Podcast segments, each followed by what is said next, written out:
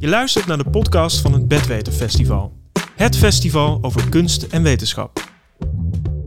Bij verhalen denken we meestal aan sprookjesboeken, romans of spannende films gemaakt door professionals.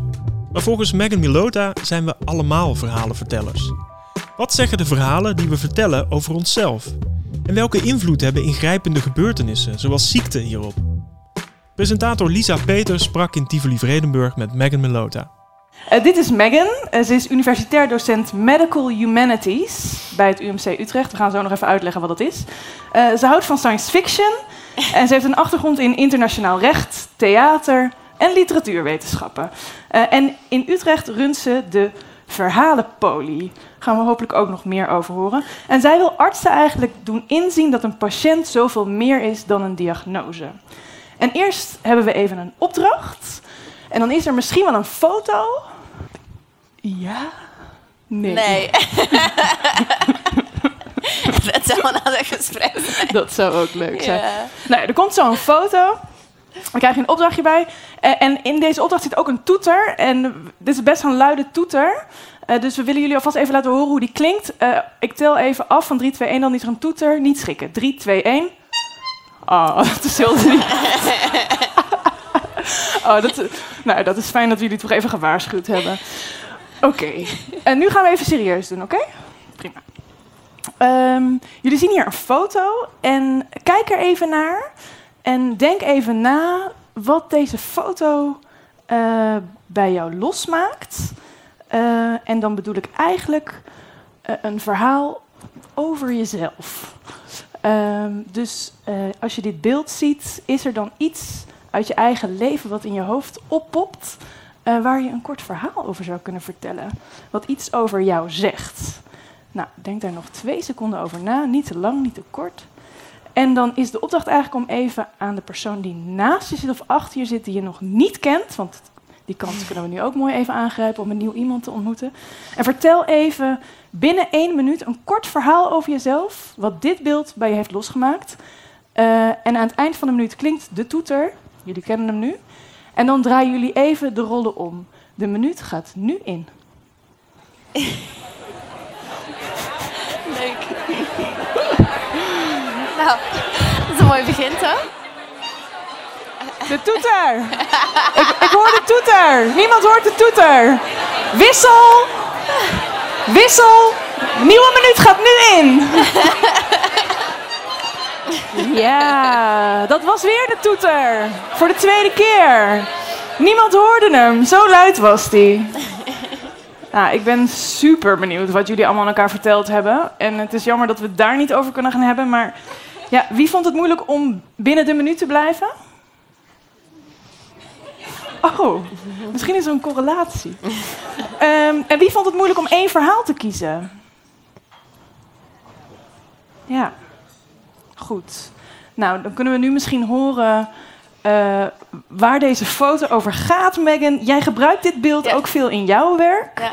Ja. Um, vertel, hoe zet jij hem in en, en wat doe jij dan op die verhalenpolie? Nou, oké, okay. twee verschillende twee vragen. vragen. Ja, nou, ik begin bij dat beeld. Dat is Sebastio Salgado. Uh, dat is van zijn reeks Genesis. Uh, dus dat is een foto en ik zet hem in. Uh, ik gebruik hem als een inleiding bij alle derdejaars medische studenten. Dus alle studenten die komen hoorcollege volgen bij mij over narrative medicine of verhalend geneeskunde. Hier begin ik mee. en ik stel de vraag: wat heeft dit te maken met de artsenberoep? Ja, dus net anders dan wat we net aan jullie hebben gesteld. En ze krijgen ook de tijd om daarover na te denken. En dan mogen ze vertellen wat ze in het beeld zien die iets te maken heeft met de arts-patiëntrelatie. Zien ze, daar iets, zien ze daar iets in wat ja, daarmee te maken ja, heeft? Oh. Ja, heel vaak hebben we het over de oevers. Hebben jullie gemerkt dat er een oever is aan de andere kant? Een beetje een vage oever. Ga je daar naartoe? Kom je daar vandaan? Uh, werk je samen? Werk je elkaar tegen? Uh, is het een team aan mensen die werken aan, de, aan, een, aan een oplossing voor een probleem? Is er een duidelijk antwoord?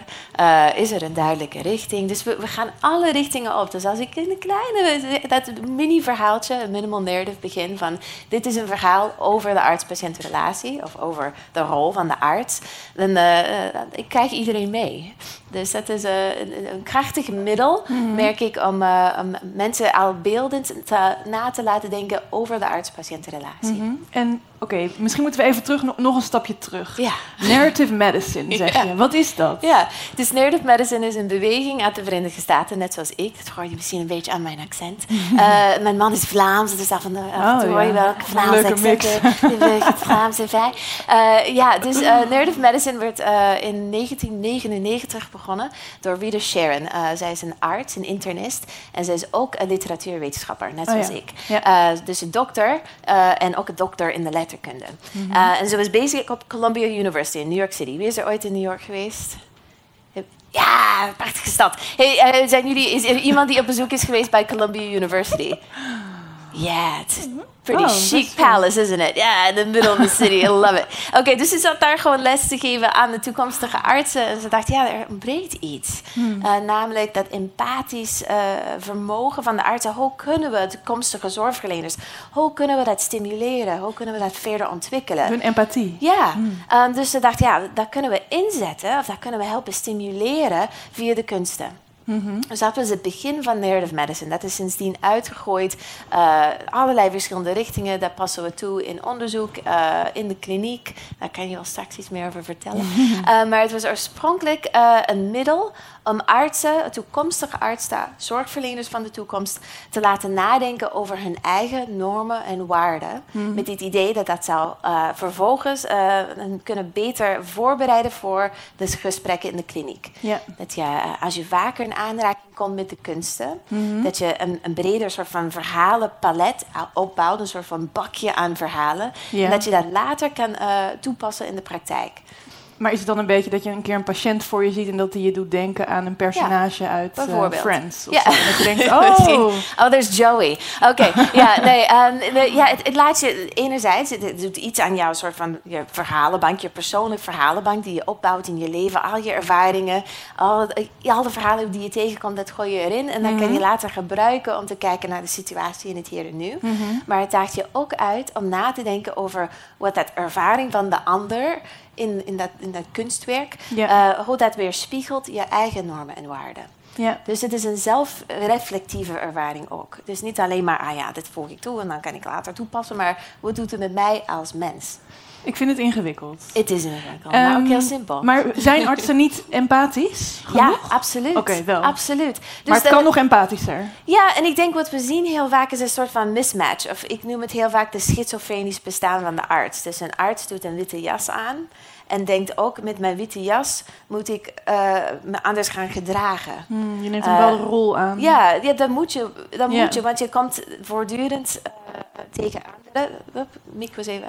eh, eh, waar, waar, ja, die aan het, mensen die aan het lijden zijn met verschrikkelijke gebeurtenissen, die heel zware dingen hebben je moet meegemaakt. eigenlijk ook afstand nemen. Ja, Ja, het is maar, niet te doen. Ja, maar door dat witte jas aan te doen, verlies ik ook een beetje van jezelf daarin. Ehm, dat is ook een manier om het duurzamer te maken, om het haalbaar te maken. Dus je moet gewoon naar huis kunnen op het einde van de dag en daar niet naar bed gaan met al die verhalen die je hebt meegemaakt. Dus dat is wel een, een beschermende eh, actie. Ja. Maar daardoor verlies je ook, eh, dat is het risico, je verliest ook een beetje van jezelf daarin.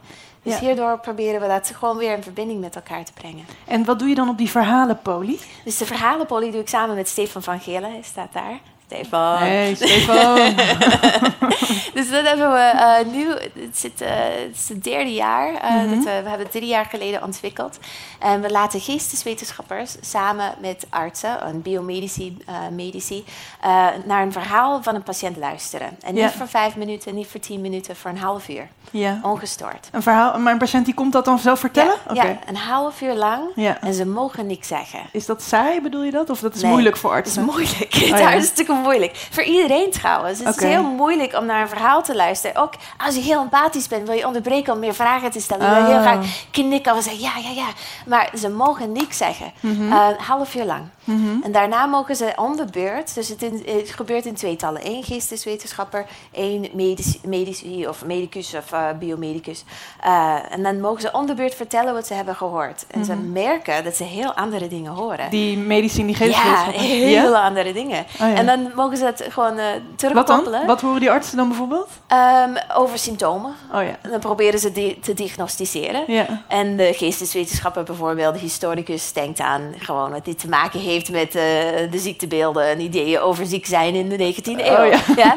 Eh, en dat is in de terugkoppeling ja, ervaren ze dat ook, dat hun ervaringen, hun kennisbronnen zijn heel erg anders. Ja. Ehm, en dan eh, krijgt de patiënt de kans om dat gewoon te verbeteren, dat verder aan te passen. En dan komt een dialoog op gang. En na afloop van de verhalenpolie nemen de twee studenten ehm, ja, de ervaring mee. Ze mogen ook niks opschrijven. En dan moeten ze na dat verhalenpolie opschrijven, naar de patiënt toesturen.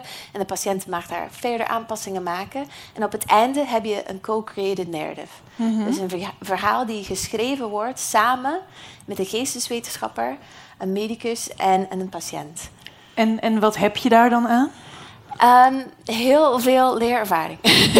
Ja, ja, vertel. Gewoon, eh, eerst een verhaal, eh, het besef dat een verhaal is iets wat het ontwikkelt. Eh. Het is niet iets wat eh, nu is. Ik vertel nu een verhaal aan jullie, maar morgen vertel ik het op een andere manier. Hè? Dus op ieder moment kan je verhaal ehm, anders vervormd worden, afhankelijk van wie je tegenover je zit. Dus dat is empowering voor de patiënten om te ervaren: oké, nu kan ik vertellen wat ik wil in alle vrijheid in een ziekenhuissetting. Ja. En voor de studenten is het heel erg waardevol om te beseffen dat in stilte en met aandacht luisteren naar een verhaal, dat je heel vaak, bijna altijd, het antwoord krijgt die je zoekt. Oh, oké. Dus in stilte en vertrouwen in het verhaal van de ander, krijg je alles te weten wat je nodig hebt. Gebeurt dat vaak niet dan, dat een patiënt de vrijheid heeft om te vertellen? Ja, oké, zullen we even een experimentje doen? Dat is goed. Oké, in de zaal. Ehm, ik wil Dat van is, mijn, jullie dat is weten. mijn werk eigenlijk. Heb ik ja, maar je, je ik doet dacht, het ik neem- fantastisch. Mag het? Ik heb het toestemming Ja, ja, ja, gevraagd. Oké, ehm, hoe lang duurt het in een, in een gemiddeld ge- eh, gesprek met de huisarts? Hè? Dus je gaat naar de huisarts toe en je, je hebt een, een, ja, een kwaaltje. Hoe lang duurt het gemiddeld voordat je onderbroken wordt als patiënt? 19 seconden. Jeetje. Twee minuten. Een half uur hoorde ik? Oh, ik wil zeggen, ik wil naar jouw arts. Eh, eh, het duurt gemiddeld 27 seconden. 27 Ja, seconden. Ja, dus dat duurt niet lang. Maar Nee. als, je, oh, als je laat de patiënt helemaal uitspreken... en je zegt, ik ga niet onderbreken... ik ga je gewoon je volledig verhaal laten vertellen... gemiddeld, hoe lang duurt het? Een half uur? Tien minuten? Nee, gemiddeld 2,5. Dus ja, Ja. het idee dat we Ja. nooit de tijd hebben om te luisteren naar de ander... dat is gewoon niet waar. Ja. Dat is gewoon niet waar. Dus als je, als je, je moet vertrouwen, je moet durven zwijgen soms. En dat is wat we ook aan studenten willen laten zien. Mooi. Ik wil het even hebben over ver- verhalen. Ja. Wat, wat vertellen verhalen over ons? Welke rol spelen verhalen in ons leven? Dus niet alleen van patiënten of van die artsen, maar ook van Ja. ons. Hoewel wij misschien ook patiënt of arts zijn. ja, we zijn verhalende mensen, verhalende wezens. Hè? Dus we geven betekenis aan wat we meemaken door een verhaal daarover te maken. Ja. Eh, dus vanaf het moment dat we eigenlijk woorden kunnen gebruiken... en drie, die, drie woorden aan elkaar kunnen koppelen... hebben we een zin en hebben we een verhaal. ja. Dus we zeggen dat een minimal story, dat bestaat uit een begin, eh, iets wat gebeurt en dan wat, wat daarna volgt. Ja, dat kan je in één of twee zinnen maken. En ik denk dat we zijn de hele dag daarmee bezig, ook in onze gedachten. Dus ik denk een verhaal is een fundamenteel en essentieel onderdeel van een mens. En dat kunnen we niet altijd goed verwoorden. Dan hebben we muziek voor nodig. Of eh, gebaren. Ik- wat ik merkte in de zaal toen jullie bezig waren met verhalen vertellen... is heel veel van dit. En heel veel van dit. En eh, ja, dat we gebruiken ook die non-verbale uitingen... in het, eh, in het maken van een verhaal. Ehm, en een verhaal kan altijd ontwikkelen en altijd aangepast worden. Dus als literatuurwetenschappers proberen we daar systematisch naar de verhalen te kijken. Want we denken, ja, als we, als we kunnen aanduiden wat ontbreekt in een verhaal, wat je noemt een gap of een blank, dan kunnen, we dan kunnen we misschien zien wat, wat daar juist belangrijk is. Dus je kan misschien bewust of onbewust dingen uit je verhaal laten. Misschien iets wat traumatisch is geweest, iets wat je niet hebt kunnen verwerken, iets wat je niet durft te vertellen aan een ander. Ja. Ehm, en ik denk als zorgverleners, als we bewust worden van de blanks of de gaps in een verhaal, dat we ook beter eh, de vragen kunnen stellen die nodig zijn om daar ja, betere zorg te kunnen leveren, Ja. bijvoorbeeld. ja. Ja. Mooi. Ik ben er een beetje stil van, eerlijk gezegd. Dat is niet de bedoeling, nee. Nee, nee, nee, ja, nee, ik vind het echt heel mooi, ja. Je kan ook mensen helpen, misschien met hun verhaal vertellen. Ja, dus ik denk, het is niet alleen maar los zouden gaan luisteren naar verhaal, net zoals we luisteren naar Netflix-serie of, een, of een podcast. Eh, ik denk dat we ook de tools moeten geven aan onze zorgverleners en ook ja, iedereen eigenlijk. om, om beter en meer met aandacht te kunnen luisteren naar het verhaal en, en dat kunnen helpen vormgeven. Dus bijvoorbeeld, wat ik ook bespreek met mijn studenten in deze college, we hebben het over Arthur Frank's Typology of Illnesses, uh, illness stories. Arthur Franks? Arthur Frank. Oké. Het is ook een arts. eh, hij heeft ook kanker gehad. En in dat hele ervaring van ziek zijn als arts... eh, kwam hij na een afloop met een verhaal die heet The Wounded Stor- Storyteller. Eh hoe zou je dat moeten verhalen? De gewonde verhalenverteller? Ja, mooi toch? Eh, en daarin staat, oké, hij denkt, en jullie kunnen me eh, verbeteren. Ik wil heel graag na afloop eh, horen of jullie denken dat er meer dan drie soorten zijn. Maar hij zegt, er zijn altijd drie soorten van ziekteverhalen. Je hebt een restitutieverhaal. Ik ben nu ziek, kanker is kut en later word ik weer beter. Dat is een restitution. Eh, je hebt een zoektochtverhaal. Eh, cancer is a journey. Ik maak heel veel mee op mijn, op mijn weg. En ieder persoon die ik tegenkom helpt mij om, eh, om beter te worden. En je hebt een chaosverhaal. En dat is waar geen betekenis kan gegeven worden aan wat gebeurt. En hij zegt, die, die drie verhalen komen in alle combinaties voor... in alle verhalen die je meemaakt als zorgverlener. Hoe heet die laatste? Chaos. Oh ja. Ja, Ja, gewoon ja. chaos. ja er zit geen structuur in Nee, er is geen, eigenlijk. structuur. Dus Ja. als je als zorgverlener luistert naar een verhaal en je merkt dat de patiënt heel erg in een restitutienarratief zit, dan kan je ook in dat restitutieverhaal meegaan Oh, ja. en meehelpen. Ja. Dit bijvoorbeeld. Werkt het ook? Merk je, eh, zeg maar, wo- worden artsen empathischer? Wordt dat gemeten? Kan je dat meten? Het is heel moeilijk om te meten. Ja. Het is wel te meten en ik, ik ben er een beetje van afgestapt. Want eh, toen ik naar, de, naar het UMCU ging werken, ik ben literatuurwetenschapper, dus ik, eh, ik probeer altijd theorie te toepassen in de praktijk. Ik dacht, ja, ik ga naar het UMC, ik ga ze weer empathisch maken. Eh, en ik merkte, ja, ze zijn hartstikke empathisch, maar ze hebben gewoon gebrek aan tijd heel Ja, vaak. En ze zo. hebben heel veel andere taken en het is hartstikke moeilijk wat ze doen. Dus het is niet een gebrek aan empathie. Misschien is het eerder een gebrek aan creatieve zelfreflectie. Oké. En dat is waar ik nu probeer aan te werken. Samen Ja. met de Nu Utrechtse School, eh, met de HKU bijvoorbeeld. Dus hierna, ga even zoeken. Eh, op de vijfde verdieping hebben we een hele mooie samenwerking met de Floortje Schepers en de Verhalenbank Psychiatrie. Waar we kijken naar ehm, muziek, Uh-huh. eh, de vertalingen van ziekteverhalen. Eh, dus dat is één poging om even anders te gaan kijken Op naar... de vijfde verdieping. op de We vijfde sturen ze er zo allemaal naartoe. Ja, graag. Ik wil nog even over verhalen hebben. Ja, ja. Wil jij een verhaal over jezelf aan ons vertellen? Maar van- Oké. We zullen je niet onderbreken. Je- eh, Nee? Nee. Oké. Eh, timen. ik heb een beetje richting nodig. Oké. Kunnen we richting geven? Ja, geef eens een richting. Oh, bij deze foto. Oké, geef eens een genre.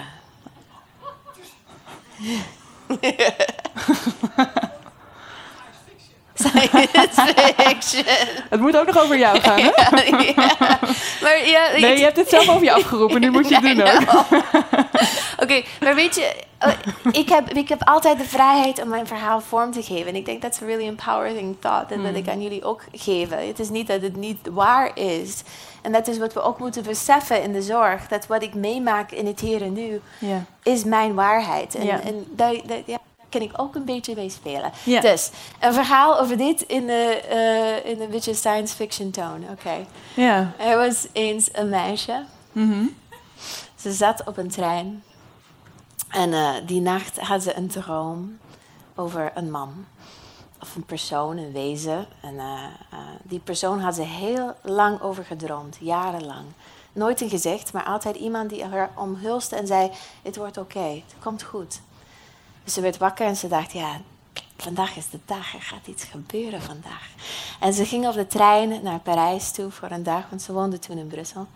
En, eh, en ging overal op zoek, een beetje, naar die persoon. kwam niemand tegen de hele dag, alleen maar gewoon mensen, maar niet die persoon.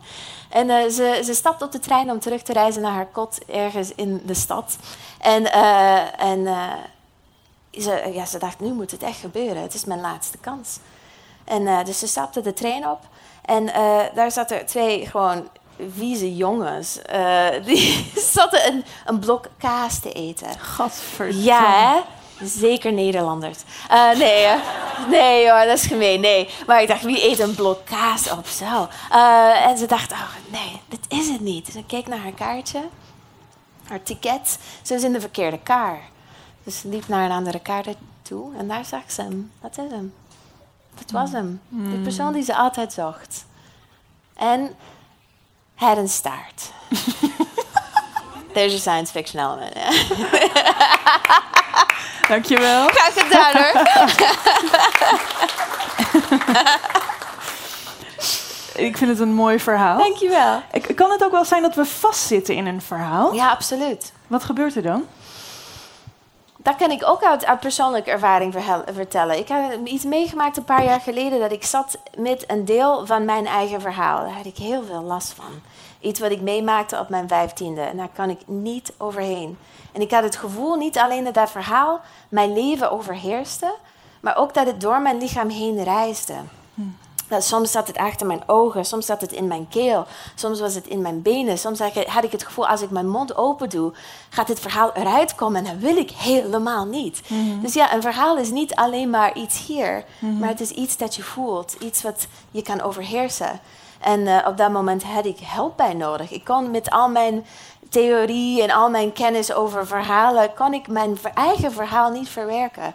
En toen had ik eh, zorgverleners nodig. En dat, eh, heb ik ook gelukkig eh, mogen ontvangen. De zorg en de, en de hulp die ik nodig had om dat verhaal de juiste plek te geven in mijn, dat lange lijn van mijn levensverhaal. En ik denk, ja, dat is de kracht van een verhaal, maar ook het gevaar. Dat als je iets meemaakt, vaak een traumatisch gebeurtenis, dat dat, dat een, een, zo'n plek krijgt in jouw geheugen dat het niet meer zijn, zijn plekje krijgt in het rijtje van wat je hebt meegemaakt in je Ja. leven. En ik denk dat als we dat beseffen als zorgverleners of als naasten, als vrienden, als familieleden, dat dat verhaal zijn plekje verdient. En dat plekje in dat, in dat lange verhaal, dat hoeft niet het enige te zijn. En ik denk dat als we daar misschien de zorg beter op toespitsen, dat we mensen beter kunnen helpen. En hoe, hoe zouden we, want we zijn natuurlijk niet allemaal zorgverleners, maar misschien dat we wel mensen om ons heen kennen Ja. die soms met een deel van hun verhaal struggelen, wat misschien Ja. nog vastzit. Hoe, hoe kan je goed luisteren dan? Hoe worden we goede luisteraars? Ik denk dat we heel vaak, en die, dit is ook mijn valkuil, hè, dat we luisteren met het idee van ik moet helpen. Ik moet iets kunnen zeggen of doen. Ik moet komen met de oplossing. En soms is gewoon het luisteren naar het verhaal de troost aan zich. Soms willen we gewoon ons verhaal kunnen vertellen, toch? We willen iemand vinden die wil luisteren. En ik denk dat het is ook fijn om te beseffen dat je niet altijd hoeft in te springen of te helpen. Soms wel, juist. Eh, maar soms is het gewoon fijn om te luisteren en daar open voor te staan, met aandacht dat Ja. te ontvangen. Ja. Dat noemen we bearing witness of the stories of the self. Dus bearing, Bearing witness. Ja. dat je gewoon daar even bent voor de ander. Mhm. Holding space, heb ik ook Ja. wel eens gehoord. Zou je het ook kunnen noemen? Ehm, er is een hele mooie interviewserie in de Volkskrant, misschien ken je die wel, van Fokke Obama. Die man heeft een hartstilstand gehad. Die was dus eventjes dood, Ja. zo zegt hij het zelf wel eens. Ja. Een paar seconden. En nou ja, die is daarna weer eh daarbovenop gekomen. En hij schreef al voor de Volkskrant, hij was correspondent geweest en hij was chef economie, geloof ik. En nu, sindsdien heeft hij alleen nog maar over zingeving geschreven. Hij Mhm. was zo benieuwd naar het doel van het leven, maar ook wat is mijn verhaal, wie ben ik? Dus hij heeft een jaar lang alleen maar mensen geïnterviewd over hun levensverhaal. En er was een Duitse historicus die daar iets over zei vorig jaar, ook in de Volkskrant. En die zei: Het doel van het levensverhaal is onze plaats in het grotere geheel te bepalen, weten wie we zijn en waartoe we behoren. En dat verhaal dat veranderen we voortdurend. Ons geheugen is enorm creatief daarin. Het geheugen heeft als functie zin aan gebeurtenissen te geven. En die kleuren we in zoals het ons uitkomt. Zo groot is onze behoefte aan zin. Het klinkt soms ook een beetje alsof we dan onszelf sprookjes zitten te vertellen om misschien chaos draaglijk te maken. Hoe, Ja. zie, hoe zie jij dat? Ja, dat is heel mooi verwoord. Ik zat te werken met ehm, een, een onderzoeker uit eh, Denemarken, Jacob Lotta. En hij heeft gewoon een heleboel verhalen verzameld van mensen die de Shoah hebben overleefd. Heel, heel veel. De, de zijn- holocaust. De Holocaust. Ehm, ehm, en wat ik merkte in het verhaal, eh, de verhalen die werden verteld heel vaak, en dat, dat klinkt heel, heel naar om het zo te zeggen, maar ze hadden een heel sprookjesachtig element daarin. Hmm. En ik denk juist ja, die verschrikkelijke dingen die die mensen in die verhalen hebben meegemaakt. Dat soms kan je dat alleen maar vormgeven door het te gieten in een meer een oerverhaal. Die, die sprookjesachtige, die hebben al, allemaal dus bepaalde elementen. Dat zag je in dat korte film, kort maar krachtig. Hè? dat, eh, dat is gewoon, dat is, eh, daar, daar zijn onderzoekers een hele eeuw mee bezig. Van wat zijn alle elementen, oerelementen in In sprookjesverhalen. twee minuten, hè? Ja, maar ik denk, ja, en het is ontzettend pijnlijk soms om, na te, om, om over jezelf te denken. Ik, ik wil niet een lullig- een lulligje over zijn en zeggen... oh, leuk, mooi, maak een sprookje van je, van je levensverhaal. Het is pijnlijk om, om binnen te keren naar jezelf ehm, te kijken... kritisch naar jezelf te kijken en denken... wie ben ik en waar sta Ja. ik hiervoor? Wat heeft mij En- gevormd? Ja, wat heeft mij gevormd? Ja. Ehm, ja, maar misschien maakt het verteerbaarder als je dat soms kan koppelen aan, aan iemand anders verhaal. Aan een verhaal van een mooie Netflix-serie. Ja. Of een, een, een mooie foto of een schilderij. Ja. Ehm, dat gevoel van ik ben niet alleen in Mm. wat ik heb meegemaakt. Verhalen verbinden ook. Ja. Zou jij zeggen in plaats van ik denk dus ik besta, ik vertel verhalen dus ik besta? ja en nee, want ik denk dat dat is... Sorry, dat is ook heel erg beperkend. Want weet je, alsof... We hebben zoveel manieren om bewust te zijn in de wereld. Dus eh, eh, het feit dat sommige mensen niet hun verhaal kunnen verwoorden... betekent niet dat ze er niet zijn. Maar dat eh, misschien wij ja, nog precies. niet kunnen begrijpen hoe zij de wereld verstaan. Ja, Ja. We zijn aan het einde van de tijd gekomen. Nou, we zijn snel, er hè? doorheen gevlogen. Ehm, noem nog heel even die installatie waar jij naar verwees op de vijfde verdieping. Ja, dus op de vijfde verdieping. Daar kunnen heet, mensen luisteren naar. Ehm, muzikale vertolkingen van ziekteverhalen. Muzikale van de verhalenbank psychiatrie. Het heet We zijn nu allemaal mens. En de vraag is, wat hoor je dan? Ja, en dat mag je na afloop opschrijven. Oké, Ja. dankjewel Megan. Mag ik een hartelijk gedaan. applaus voor Megan? Dank jullie allemaal. Je hoorde een podcast die is opgenomen tijdens het Bedweter Festival. Benieuwd naar meer afleveringen? Ga naar sg.uu.nl slash podcast of abonneer je op je favoriete platform.